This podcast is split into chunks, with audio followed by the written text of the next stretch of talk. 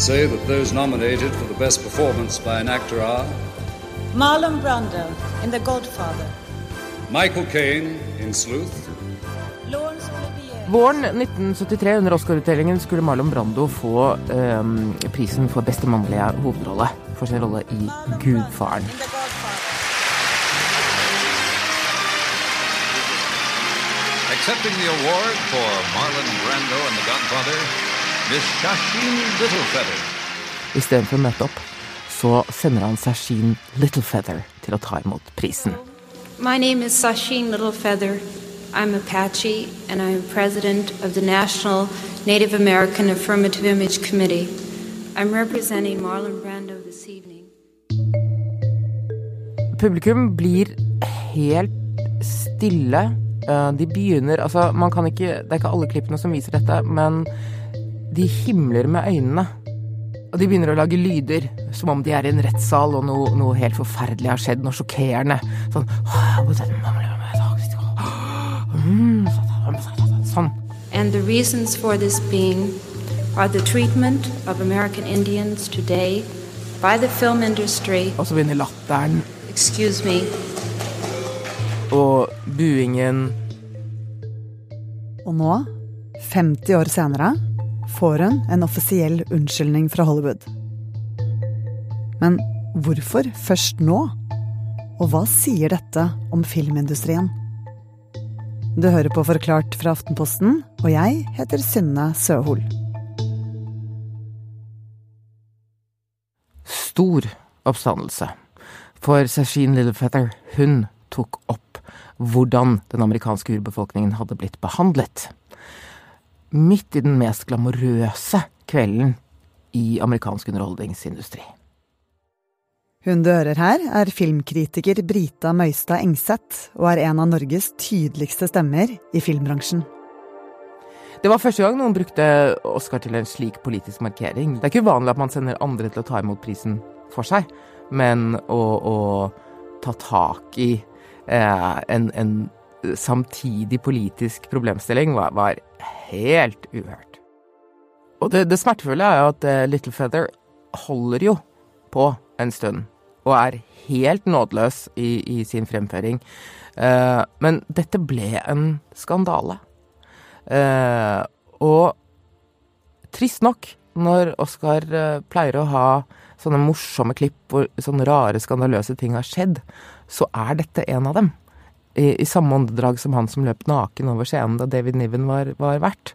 Uh, og det er Det er bare trist, for det er ikke en sånn skandale. Hollywood er et av de hesligste stedene å være en etnisk minoritet på, eller minoritet i alminnelighet. Eh, Det tok lang tid før svarte skuespillere ble, ble anerkjent. eh, Etter alle årene med boikott og diskriminering fra bransjen, fikk Little Feather en offentlig beklagelse fra Oscar-akademiet 17. september. Sist gang ble hun buet på. Denne gangen ble hun møtt med stående applaus, som bare varte og varte. Hvorfor kommer denne unnskyldningen først nå? Altså, min personlige tolkning og analyse av det er eh, at Oscar-akademiet minner litt om den katolske kirken. At de jobber seg bakover eh, og, og ber om unnskyldning til de minoritetene de har behandlet dårlig. Eh, og nå har de kommet så langt tilbake igjen at de er nede på den amerikanske urbefolkningen, som vel er omtrent nederst på den rangstigen.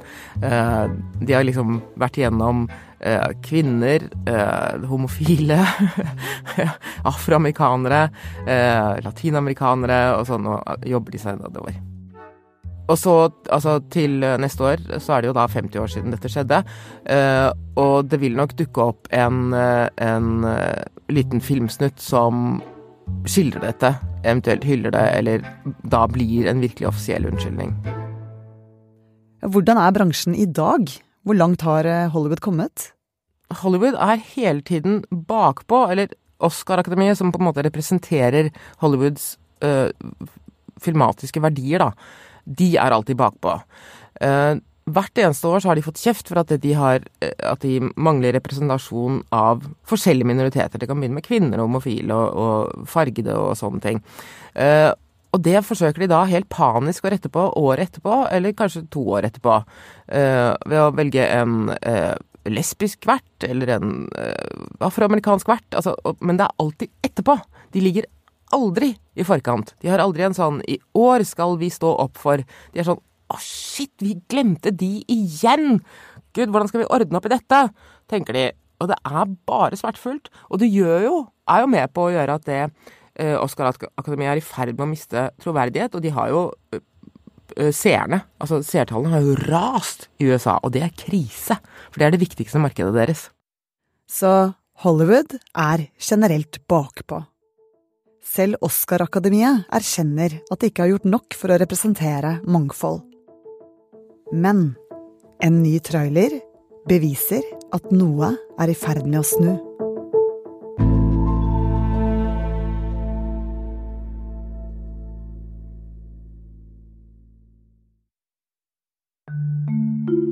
Disneys nyinnspilling av Den lille havfruen med ekte mennesker har gått ett skritt lenger når det gjelder mangfold. For her har H.C. Andersens syngende havfrue Ariel nemlig mørk hud. Og det har betydd mye for mange barn rundt i verden. She's black. Like me. She's a black girl. She's black! Mama, she's black! Så Brita, det skjer jo en endring der ute, men er det nok? Det handler ikke bare om de som da er foran eh, kamera. Det handler også om de som er bak. Det er jo der makten ligger. Eh, og så lenge eh, studiosystemet i Hollywood er overveldende hvitt, så vil dette være et problem. Eh, fordi det hvite Hollywood-systemet tillater f.eks. bare fem uh, fargede skuespillere av gangen. De kan ikke ha flere. Uh, vi har en Denzel Washington, og da kan vi ikke ha noen flere som ligner på ham. Uh, kanskje vi kan ha Chris Rock, men det er bare i komedier. Det du lærer av, og det vi lærer av, og det vi utvikler oss på, er jo ved å se fortellinger om mennesker som ikke er like oss. Uh, fordi vi er vokst opp med fortellinger som er helt like oss, med mennesker som er helt like oss. Og det lærer vi ingenting av. Ja, så selv om denne unnskyldningen fra Oscar-akademiet kommer superseint, så er det noe som beveger seg i riktig retning. Men hva med norsk filmbransje? Du, jeg har vokst opp med å tror jeg nesten aldri se noen i norsk film som ligner på meg, som ser ut som meg. Kjenner du igjen stemmen? Du har kanskje sett henne som en av venninnene i Netflix-serien Hjem til jul? Du, ja, jeg har dekka over det meste nå, jeg. Det er jo så deilig å få det gjort før julaften, så man slipper å løpe Eller som den snille bollebakeren i NRKs julekalender Snøfall. Iselin Shumba er født i Zimbabwe og vokste opp i Kristiansand. Og da hun var liten, var TV-skjermen fylt med hvite fjes. Og det gjør jo sikkert at jeg er ytterst si, oppmerksom på eh, hvor viktig det er å se noen som ser ut som deg, og hvor vanvittig viktig det er med representasjon. At du ser deg selv på skjermen. Iselin, hva synes du om norsk filmbransje i dag? Det er i bedringens vei. Det er det absolutt. eh, Og det er masse krefter som jobber for å bringe inn mangfold. Men samtidig så er det det Det går ikke raskt nok. Og det viktigste med et problem, det er jo å innrømme hvor stort dette problemet egentlig er. Og hvordan har det vært problematisk for deg, er det noe du kan kjenne deg igjen i? Det er jo det at, at jeg har vært på auditions og skjønner at jeg er der på grunn av hudfargen min. At vi sitter der, flere jenter, og vi er vidt forskjellige, og det som på en måte er det som på en måte binder oss sammen, det er at vi har en annen hudfarge. Og det syns jeg er litt sånn Det kan være litt ubehagelig at du blir da den derre At folk kan klappe seg på skuldra og ja, check, check på mangfoldskortet. Um, så er det også det, jeg tror også det er vanskelig å eh, tenke folk at det, liksom det å caste oss inn i hovedroller, eh, det er ofte små roller. Um, ja. Ok, nå skal vi inn i noe som er litt komplisert, men viktig. For det er faktisk litt vanskelig å slå fast at skuespillere med minoritetsbakgrunn får få hovedroller i norsk film. Men en undersøkelse fra Norsk Filminstitutt kan peke oss i en retning. Fra 2013 til 2020 så så de på hvor mange norske filmer, kinofilmer, som har en hovedrolle med synlig minoritetsbakgrunn. Av 230 filmer så hadde 23, altså en tidel, en hovedrolle med familiebakgrunn fra et land utenfor Europa. Så da er det lett å tenke at én av ti hovedroller har minoritetsbakgrunn. Men så enkelt er det ikke. For en film kan ha mer enn én hovedrolle. Ta for eksempel Olsenbanden, der Egon, Kjell og Benny prøver å bryte seg inn på Munch-museet. Stjele alle maleriene der? Nei, nei. takk og lov. Vi skal stjele alle tre. Norsk Filminstitutt forteller også i den samme undersøkelsen at denne opptellingen gjelder karakteren i filmen, og ikke skuespilleren bak. Så hvor stor andel skuespillere med minoritetsbakgrunn som har hovedroller i norske filmer, det vet vi rett og slett ikke helt sikkert. Men det vi vet, er at én av fem nordmenn har minoritetsbakgrunn. Eh, norsk film henger ennå bakpå i forhold til det å speile samfunnet. Eh, det er fortsatt fylt av stereotypier, og si, vi er nødt til å kreve av, av kunst, av film, å ligge langt frem for egentlig samfunnet, og åpne opp samfunnet. Og gå foran som en, eh, som en oppmuntring og vise hva som er mulig. Så selvfølgelig burde det speile, det gjør det ikke, men det burde også ligge foran.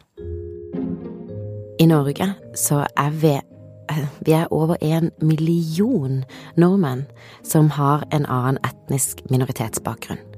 Eh, vi er skattebetalere. Vi betaler skatt for å se oss selv representert i kunsten og se oss representert på et lerret. Eh, så det er jo det, når dette ikke skjer, så er det en slags ja, det er en eh, kulturell forbrytelse som, som skjer. Og hvis du kunne eh, velge og vrake, hva er drømmerollen din? Du, jeg drømmer om å spille noen som er like kompliserte som meg selv. Og, og så er det også sånn jeg drømmer om å spille slem. Hvorfor det? Jo, eh, hva skal vi si Spille noen som folk eh, hater at de elsker. Ja. Det er en drøm. Hvorfor er det en god rolle? Det er komplekst. Eh, og det er jo det, skal si, det er jo der også mye av det slaget for mangfold står, da. Det er det å, å caste minoriteter inn i komplekse roller, inn i komplekse hovedroller, at man er med på hele reisen eh, av det menneskelige aspektet. Ja, tror du at produksjonsselskap er redd for å caste eh, folk eller skuespillere med etnisk minoritet på en feil måte? Jeg tror mange er redd for å gjøre noe feil. Men altså, er det ett sted hvor man kan tråkke i salaten, så er det i kunsten. Vi skal ikke være så redd for det. Og jeg tenker også det derre å ta inn folk på et tidlig stadium og diskutere. Altså, kanskje kan vi løse det slik? Ja, la oss prøve. Personlig så savner jeg mer det ta av uh, silkehanskene, og vi må heller bare ta den vanskelige samtalen.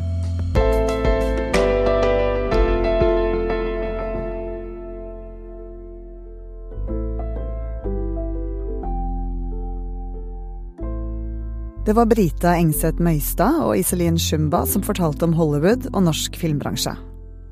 Du har hørt lyd fra Oscar-akademiet, TikTok, Netflix-serien Hjem til jul og Olsenbanden Siste skrik. Denne episoden er laget av produsent Jenny Førland og meg, Synne Søhol. Resten av Forklart er David Vekoni, Anders Weberg, Marit Eriksdatter Gjelland, Fride Næss Nonstad og Anne Lindholm.